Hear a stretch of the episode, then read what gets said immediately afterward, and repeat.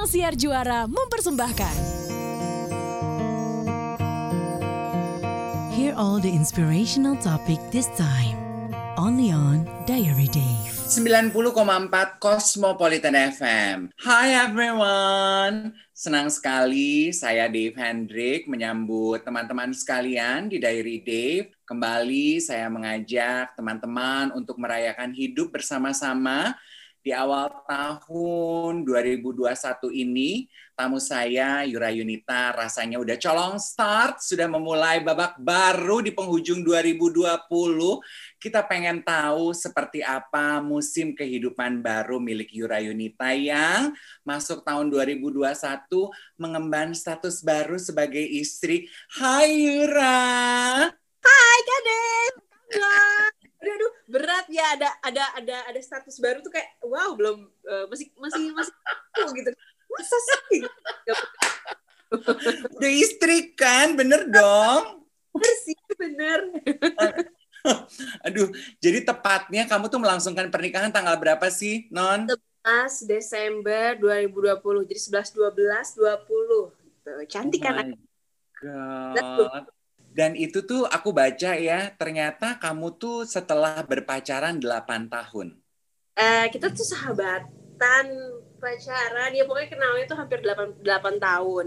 Jadi dia tuh udah udah deketin sebenarnya udah kayak mau melamar atau propose aku tuh dari 8 tahun yang lalu. Cuman waktu 8 tahun yang lalu aku belum siap kayak ah nanti dulu ya gitu kayak nanti deh gitu. Terus uh, berjalan berjalan berjalan akhirnya uh, di tahun 2018 sempat uh, ngelamar lagi terus akhirnya uh, kapan ya siap nikahnya nah bentar dulu bentar dulu bentar dulu sampai akhirnya ya 2020 ini aku siap gitu ya gitu. Oh my God, I have so many questions running on my mind. Tunggu sebentar ya. Karena Yura tuh bilang, ya 8 tahun pacaran, sahabat sih sebenarnya. Tunggu dulu. Jadi ini ada spesies baru nih ya. Nggak dibilang pacaran, jadi statusnya sahabatan gitu. Sahabatan deket banget, jadi emang kita tuh uh, tempat curhatnya dia adalah gua. Gua tuh tempat curhatnya semua, uh mau semuanya yang ada dia tahu gitu. Jadi emang tempat curhat. Awal jadi kan berawal dari curhat eh jadi melekat gitu. Eh jadi gitu oh, I'm blushing to my bones. Tempat curhat jadi melekat kemudian dekat. Oh my god.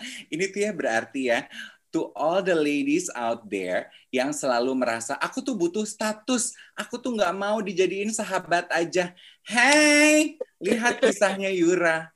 Jadi sahabat 8 tahun, kemudian iya, akhirnya justru enak ya maksudnya kita ternyata menikah sama sahabat sendiri tuh enak gitu. Jadi udah tahu uh, baik buruknya banget semuanya udah tahu. Jadi pas pas pas nikah pun rasanya jadi kayak masih sahabatan aja sih masih ya enak gitu rasanya. Uh, mungkin ada lagu mungkin like I'm in love with my best friend tuh oh ini rasanya gitu. Oh astaga. Yura pengen tahu dong, apa uh, kualitas yang paling kamu kagumi dari suamimu? sangat rendah hati, berhati besar, sama apa sabarnya sabar total sih. Maksudnya kalau aku tuh uh, seorang perempuan Gemini yang wow wow wow wow wow gitu kan, kadang banyak banget BM-nya, terus uh, banyak banget uh, impulsifnya gitu kalau gue terus uh, beruntungnya aku dapet dia yang sebenarnya tujuh tahun di atas aku umurnya jadi lebih sabar lebih kalem terus apa sangat membimbing ya. Enaknya tuh sangat mengayomi dan juga membimbing aku. Oh kamu tuh gemini? Ya Adif apa? Leo. Aduh kita tuh udah di buddies Leo tuh teguh pendirian kan ya Leo ya Iya, iya, iya, iya. Aduh, konon kan katanya Leo itu cocoknya sama Gemini tuh. Dan terbukti sih dua sahabat aku, Becky, terus Titi. Titi DJ itu kan juga Gemini tuh. Klop aja sama gue. Ponakan gue juga Gemini. Ya udah deh ya. Oke. Okay. Uh, eh, aku juga pengen tahu dong, ketika uh, suamimu, mantan sahabatmu itu memutuskan untuk, oke, okay, aku pengen mengajak kamu menikah. Apa yang akhirnya membuat lo, oke, okay, kali ini gue mau menerima ajakan lo? Uh, jadi sebenarnya kan udah proses nawarin nikahnya itu udah lama kan, udah berkali-kali gitu dari 8 tahun lalu, lalu dua tahun lalu, lalu akhirnya tahun ini gitu, tiga kali dalam 8 tahun ini gitu kan. Cuman akhirnya itu yang aku pengen lihat tuh adalah prosesnya gitu, prosesnya bagaimana dia bisa saling mengerti terus udah ngalamin yang namanya ups and downs. Ya kalau misalnya lebihnya gampang kan, nerima. Cuman bagaimana dia menghadapi semua kekurangannya aku. Terus aku tuh tipenya yang ngetes gitu kan. Diem diem ngetes gitu. Jadi kayak ya cek cek cek gitu. Jadi banyak banyak hal yang yang terjadi. Sama nomor nomor satunya adalah uh, bagaimana dia bersikap sama orang tua aku sih. Jadi di beberapa kali kesempatan aku selalu ajak uh, liburan bareng sama uh, mama papaku juga gitu. Jadi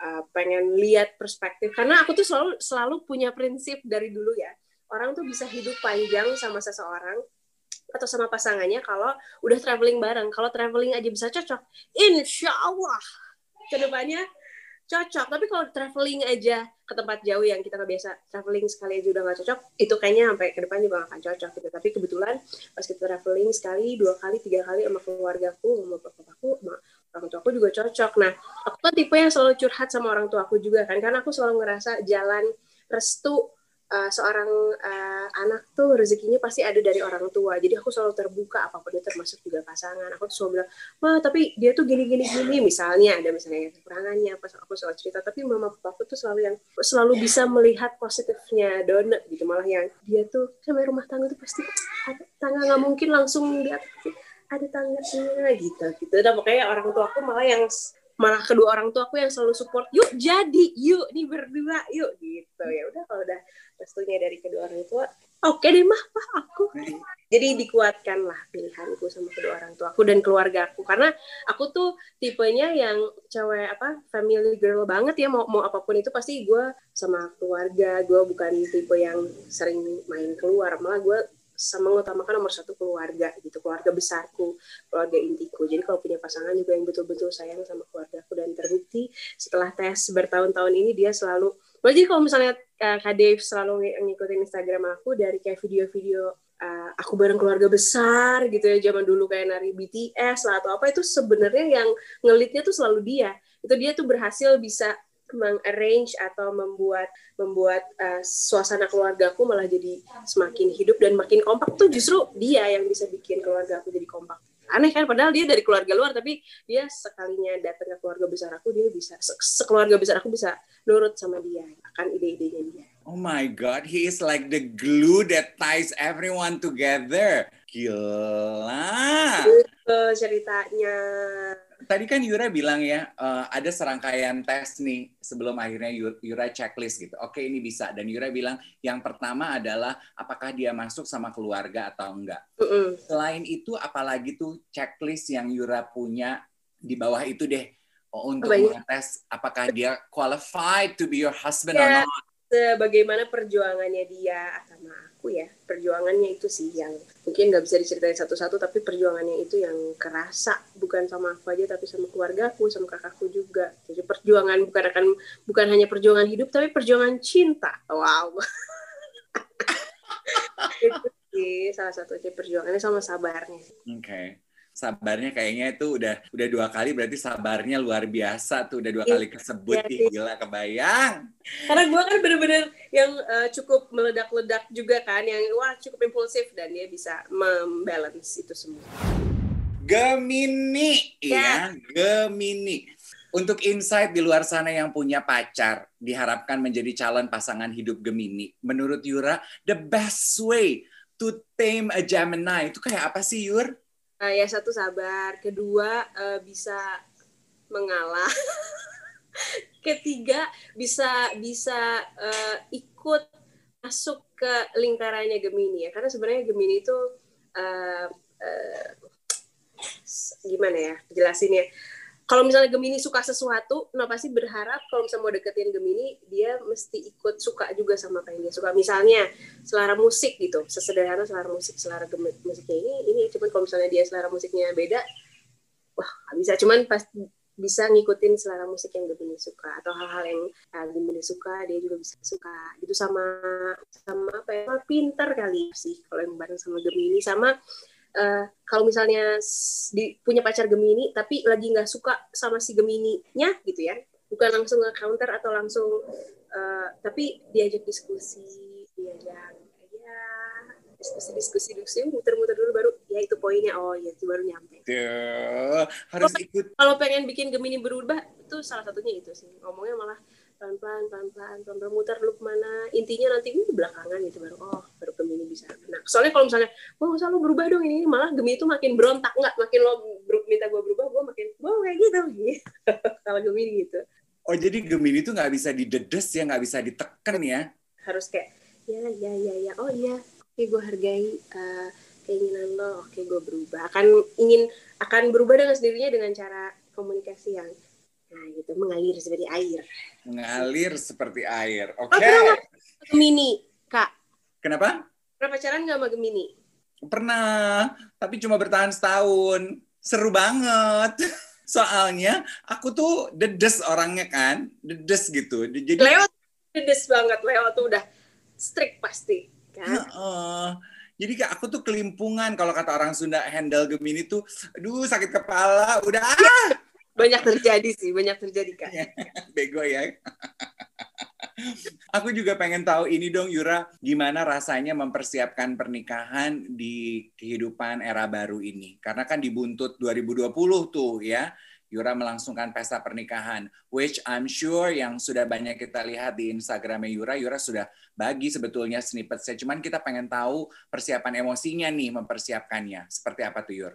Persiapan, alhamdulillah uh, lancar sih ya. Sebenarnya mulai mulai jalan uh, ngurus venue dan lain-lain itu bulan Agustus ya sebenarnya cepet ya Agustus September Oktober November Desember lima bulan sih sebenarnya.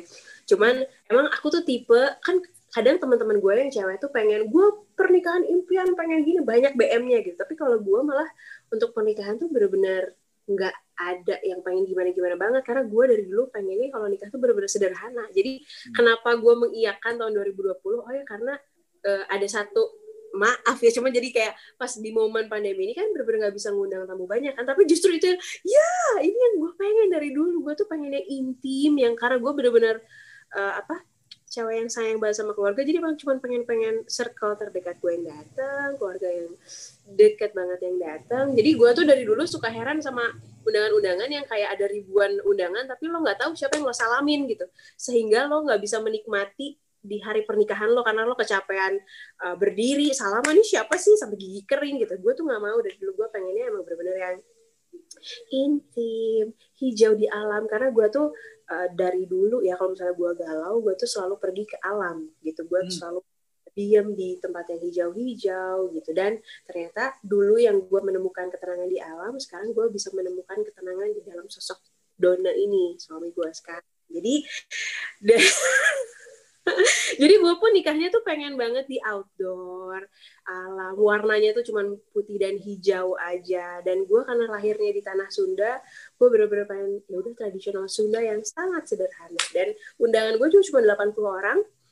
Keluarga itu udah termasuk keluarga besar sama teman-teman dekat gue dan acaranya sangat hikmat sangat sakral. Jadi aduh udah. Jadi nggak nggak banyak nggak yang aneh-aneh sih. Nyari venue juga ya udah outdoor uh, private makanan juga bakso gitu kan. Karena gue suka bakso keluarga gue suka bakso. Jadi bakso yang makanan-makanan bener-bener makanan tradisional Sunda yang sehari-hari kita bisa dapetin yang hangat-hangat.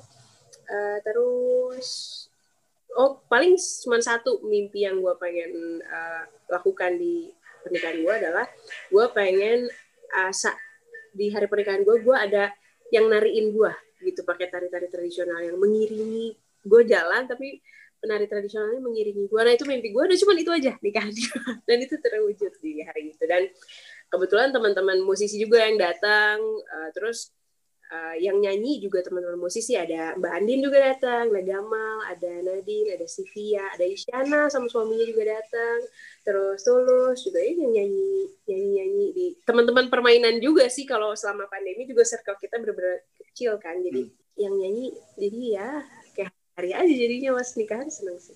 Ya, itu aku pikir itu juga uh, the most perfect reason ya pandemi ini buat kita yang sangat suka segala sesuatu yang intimate, kayaknya kita bisa memanfaatkan uh, protokol kesehatan sebagai alasan utama ya nggak sih? To keep everything circle to the closest circle ya nggak gede-gede ya kan? Nggak perlu ngundang ribuan orang maaf maaf deh. Padahal sih emang yes akhirnya gue mendapatkan apa yang gue mau. Soalnya jadinya kita bener-bener bisa ngobrol sama orang yang datang gitu kan? Kalau misalnya kita mungkin nikahannya ribuan kita bener-bener gak bisa ngobrol. Bahkan sama orang tua sendiri aja gak bisa ngobrol gitu kan? Cuma pas nikahan tuh bener-bener bisa bisa ngeliat semua mata semua ekspresi yang datang di hari air mata air mata orang yang jatuh juga aku bisa lihat semua yang ada di situ Iya, iya, iya, iya, iya. Ya. Berarti ya sebetulnya kalau ada yang nanya ke Yura gitu, aku mau kawin deh kak, atau uh, Yura aku pengen, gue pengen kawin deh. Berarti Yura akan merekomendasikan keep it small to your closest circle. Iya, iya, iya. Sampai banyak teman-teman gue juga yang udah nikah di sebelum-sebelum pandemi, katanya banyak yang bilang cerita sama gue, kalau misalnya gue harus memilih atau mengulang hari, gue mending milih mending nikahnya di masa kayak gini. Circle daripada kemarin pas udah ribuan mereka bener-bener gak bisa ngerasain apa pun gitu. Hmm. saat mereka datang ke nikahan gue ya jadi ngerasa ya tau gitu gue nikahnya bener-bener gini aja ya gitu. Hmm, hmm, and I have to say kamu cakep banget makeup kamu tuh super mangling Cimalen yang make upin aku di hari H. Aduh Cimalen terima kasih banyak loh. Ma ada Ma Ayung juga yang bikin kebayanya kebaya Sunda. Terus aku tuh kan uh, apa kebayanya pakai padding gitu kan. Karena aku biasanya kalau perform tuh selalu entah pakai uh, kemeja atau blazer yang benar-benar paddingnya gede dan oversize gitu kan. Jadi dan gue nggak pernah pakai rok. Kalau perform selalu pakai celana. Makanya saat pertama kali gue oh, pakai kebaya gimana nih? Gitu belum jalannya kejet kejet kejet gitu kan. Jadi gimana ya tetap ada ada ada ada maskulinnya juga. Ya udah gue minta gue request punya kebaya tapi ada uh, paddingnya gitu jadi ada kesan gagahnya It's funny that you brought it up karena aku juga aku perhatiin di Instagramnya Yura dia ketahuan deh gue suka stalking. Uh, nih nih cewek nggak pernah pakai rok ya. Emang itu tuh ada di list pertanyaan aku tuh. Aku tuh mau nanya, emang kamu tuh menghindari pakai rok ya kayaknya? And gue tuh emang tomboy sih sebenarnya. Sama, gue tuh kalau perform tuh selalu terlalu lincah kadang-kadang gue kanan ke kiri kalau misalnya pas lagi off air ya. Kalau oh, ini bener-bener gak bisa diem dan suka ngedance dan bener-bener gak bisa diem kadang suka turun ke uh, penonton loncat lagi ke atas gitu. Jadi gak nyamuk dan dari kecil nggak biasa pakai rok sih jadi yang karena kalau perform tuh rasanya paling enak pakai baju yang kita nyaman ya jadi pakai celana. Bisa agile gitu ya menguasai panggung ya. Marching band keluar. Oh, Yura kita banget tuh kan? Nah Yura apa sih nasihat yang diberikan mamamu untuk kamu? Karena aku tuh ya, aku tuh ya, ada satu video kamu di TikTok sama mama kamu. Hmm. Itu tuh gue tuh nonton kali udah 20 ribu kali ya. Ah. Because I could not help myself. Tiap kali gue nonton, gue pengen ketawa. Dan every time I need a good laugh, aku tuh nonton itu gitu. It makes me it it warms my heart gitu yang kamu mau nyanyi sama mama kamu itu loh. Ya yeah. aduh kalian berdua ketawa nggak bisa berhenti itu. Aduh seneng banget tau nggak lo ngelihatnya? Gue tuh pengen temenan sama nyokap lo. Tuh ma katanya mau temenan sama mama. Ma sini dong. Aduh yeah. kenalan dong. Salam kenal. Salam kenal ma. Salam kenal dong. Terus kenal ma. Ya selamat selamat kenal Aduh, nyokap lu tuh lucu banget sih. Okay. Iya, heran aku juga. Oh, oh, oh. Apa nasihatnya dikasih mama untuk kamu, Yur? Uh, uh, nasihat dari bapak dulu ya. Kalau dari bapak tuh nasihatnya adalah ubahlah aku jadi kita. Waduh, jadi nggak udah. eh, kamu tuh ya ngumpulin perkataan orang tua kamu bisa jadi lagu loh. Bagus-bagus banget loh kalimat-kalimatnya bagus juga ya idenya. Bisa juga bisa kita bikin lagu dari itu ya. Ubahlah aku jadi kita. Kalau kata bapak itu. Kalau kata mama apa mah? Pesan mama buat aku mah? Sa kacai jadi salumi. Kadarat salebak. Apa? Kadarat, kadarat jadi salebak. ya. sabobot sapihanean sarendek saigel kan sabata salimbagan gue tanya artinya apa mah? Rukun Panjang banget. Artinya apa dari semua itu? Rukun. Udah. Astagfirullahaladzim ya itulah. Itu kata mama. Artinya rukun. Pokoknya kita rukun. Rukun terus. Tapi ya, uh, nyokap lu tuh emang lucu begitu ya di rumah. gitu ya. Heran gue juga. Apalagi kalau udah ngumpul sama adik-adiknya semuanya kayak gitu ketawa terus gue cuman diem ngeliatin ya nggak tahu mangga aja ada buah mangga aja bisa jadi ketawa satu jam gara-gara buah mangga gue juga heran nah nyokap gue tuh ya kalau misalnya ada telepon kan kalau kita tuh angkat telepon dulu baru ketawa tapi kalau nyokap gue tuh kayak halo jadi ketawa dulu baru angkat resep awet muda, aduh resep senang hidup tuh ya udah ketawa aja. Pantas kamu sangat senang spend your time with your family. Your family is Number so one. fun to be with. ya Gila. Itu kalau kalau teman-teman uh, lihat ya di TikToknya Yura, Yura sama nyokapnya mau nyanyiin lagu Duhai Sayang. of course, yang dinyanyikan lagunya bagus banget, suaranya juga sama-sama bagus. Tapi lihat behind the scenes-nya deh, priceless. karena nyokap gue salah mulu liriknya ah, aduh mama ulang lagi atuh sebenarnya menurut gue udah bagus tapi nyokap gue cukup perfeksionis juga akan akan akan musik ya jadi kayak menurut dia tuh kayak eh, vibranya kurang dikit kayak aduh ulang lagi gitu. enggak mah ini cuma buat Instagram aja kok aku bilang ah sudah kumaha aduh hilang katanya aduh hilang. Ah, bahasa bahasa bahasa Indonesia tuh lupa gitu lupa satu lirik gitu satu kata gitu Hmm. jadi Nah. itulah Karena Yura tadi udah udah menyebut itu ya, aku juga ingin tahu dong apa komentar. uh, do your parents give you improvement on your performance gitu di dalam dalam sisi kamu ber- bermusik, melihat kamu berpenampilan di atas panggung, apakah mereka ngasih masukan-masukan gitu, Yur? oh iya pasti tapi biasanya kalau nyokap gue tuh selalu nonton kan apa pun gitu mau gue ada di TV ada di mana di mana dia selalu nonton kalau sempat gitu. Kecuali kalau di luar kota pasti nggak datang tapi pasti pas habis nonton tuh dia selalu nangis. Mau bokap gue tuh dia bilang nangis. Terus kenapa mau udah beres? Kenapa mama nangis? Bagus. Gitu kan. Ya apa ya? Selain bagus. Kan udah berkali-kali nonton ya kenapa tetap nangis? Gitu. Bagus. Tapi abis nangis ketawa nangis ketawa gitu. Jadi keluarga gue tuh kalau nangis pasti ketawa gitu. Jadi jadi lucu. Terus eh, pasti sih kalau misalnya ini bajunya ba- pasti tapi ngomong itu bagus bagus bagus. Udah bagusnya setengah jam baru gitu baru eh, iya tadi eh, ada kurang ngambil nafas sedikit ya di sini. Nanti mungkin ngambil nafasnya lebih dulu ya lebih cepet gitu. Jadi biar nafasnya lupa belakangnya panjang gitu. Misalnya lebih ke teknis sih karena mama kan jago nyanyi juga ya. Mm-mm. jadi kalau nyokap gue nonton gue misalnya di kalau di rumah pas lagi bareng gue nonton TV misalnya tayangan. Kalau misalnya kalian bisa lihat ekspresi gue kayak ikut ambil nafas gitu. Mah kenapa sih kayak engap gitu nonton gue mama ikut ngambil nafas kalau takutnya neng lupa ngambil nafas ya enggak dong wah gitu. Jadi kalau selalu mungkin satu nyawa sama gue ya. Jadi ikut apa ikutan ikut ikut ah ya ancang-ancang ngambil nafas pernafasan gue saat nyanyi gitu Hebat ya, yang nyanyi Yura yang ikut ngambil napas di rumah nyokap ya, jadi dia ada di situ. Gitu. Lah sama paling baju gitu keluarga apa keluarga gue juga suka uh, ikut ngasih masukannya kayak bajunya uh, cocok warna ini bagus make up ini bagus dan make up ini kayaknya uh, ketuaan gitu atau misalnya baju ini kayaknya agak terlalu terbuka gitu atau kadang aduh mana bagus deh misalnya kadang ada juga orang tua yang pengen bajunya uh, ketutup semua tapi kadang-kadang kalau nyokap gue tuh Neng tuh bagus kalau yang pinggangnya kelihatan gitu ya.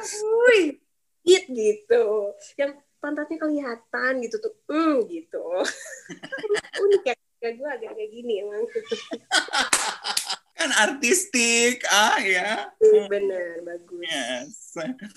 Nah, bicara sedikit mengenai uh, goals Yura Yunita sebagai seorang seniman di 2021. Apa Kalau goal- paling dekat? Goals tuh sebenarnya banyak ya. Apalagi 2020 kita udah bikin goals, bikin apa plan uh, tiap tahun tuh kita selalu bikin plan besar gitu kan. Cuman semenjak plan-plan itu di tahun 2020 ada kayak gini kejadian seperti ini. Jadi untuk 2021 kita lebih kayak ya kita punya plan, cuman ya kita lihat ke depannya uh, mungkin atau enggak kalau misalnya kita terlalu perfectionist sama plan yang kita bikin juga takutnya malah jadi stres atau malah gimana gitu. Jadi kalau untuk 2021 ya kita jalanin aja yang terbaik. Cuman plan terdekat setelah kemarin rilis uh, Duhai Sayang juga nanti menuju bulan puasa juga sebenarnya ada satu single juga kolaborasi sama seseorang itu karena di masa-masa kayak gini kan kayaknya emang udah paling pas untuk kita bisa terus kolaborasi udah, udah eranya era kolaborasi sih sekarang. Jadi ada single. Mudah-mudahan bisa bikin konser online sih ya menuju album ketiga ini. Uh, konser online aku yakin pasti banyak dinanti oleh penggemarnya Yura tuh ya. Eh, tapi tunggu deh. Lagu Duhai Sayang itu is it true? Gitu. Ah, biasa netizen suka ngebacain komentar orang. Mm-mm. Is it true kalau lagu itu ditujukan untuk Done sebelum menikah? Sebenarnya lagu itu udah diciptain dari awal tahun sih, gitu udah lama. Lagu itu aku tulis bareng sama Tulus sebenarnya. Jadi biasa kan kalau jadi salah satu sahabat curhat aku juga Tulus gitu. Jadi kalau misalnya lagi ceritain soal kehidupan, soal apa pun itu, dan orang pertama eh, orang dua orang pertama yang selalu aku kasih dengar karya yang aku bikin tuh pasti Dona sama Tulus gitu. Dan waktu itu lagi bareng Tulus di awal tahun, emang ceritanya tentang karena gue suka curhatin Dona juga sama Tulus gitu. Jadi pas lagi apa yang gue rasain gue selalu kasih denger eh, ini bagus ini bagus. Terus dia ada nambahin beberapa lirik juga gitu. Jadi sebenarnya ya lagu cinta untuk siapa aja sih ya sebenarnya. Cuman waktu itu pas lagi gue curhatin sama Tulus ya tentang tentang dia. Uh, aku tuh suka judulnya ya. Kayaknya Indonesia Inggil gitu ya. Kayak udah ya kan udah jarang kan dengar kata-kata duhai gitu dari anak muda gitu ya. Begitu dengar di lagu melodinya indah tuh, oh romantis banget. ya akhirnya di lagu cinta sepanjang masa untuk siapa pun itu sih jadi saat uh, pas lagi ini juga malah makin rasanya kok jadi buat orang tua juga bisa terus sekarang juga yang di Instagram gua malah yang ngetek ngetek gua tuh yang nyanyi anak-anak kecil umur 3 tahun 4 tahun nyanyi duhai sayang umur dua uh, ya tiga empat tahun tuh pada nyanyi. Itu jadi emang buat universal sih buat orang tua buat anaknya atau buat orang buat sahabat siapa pun bisa.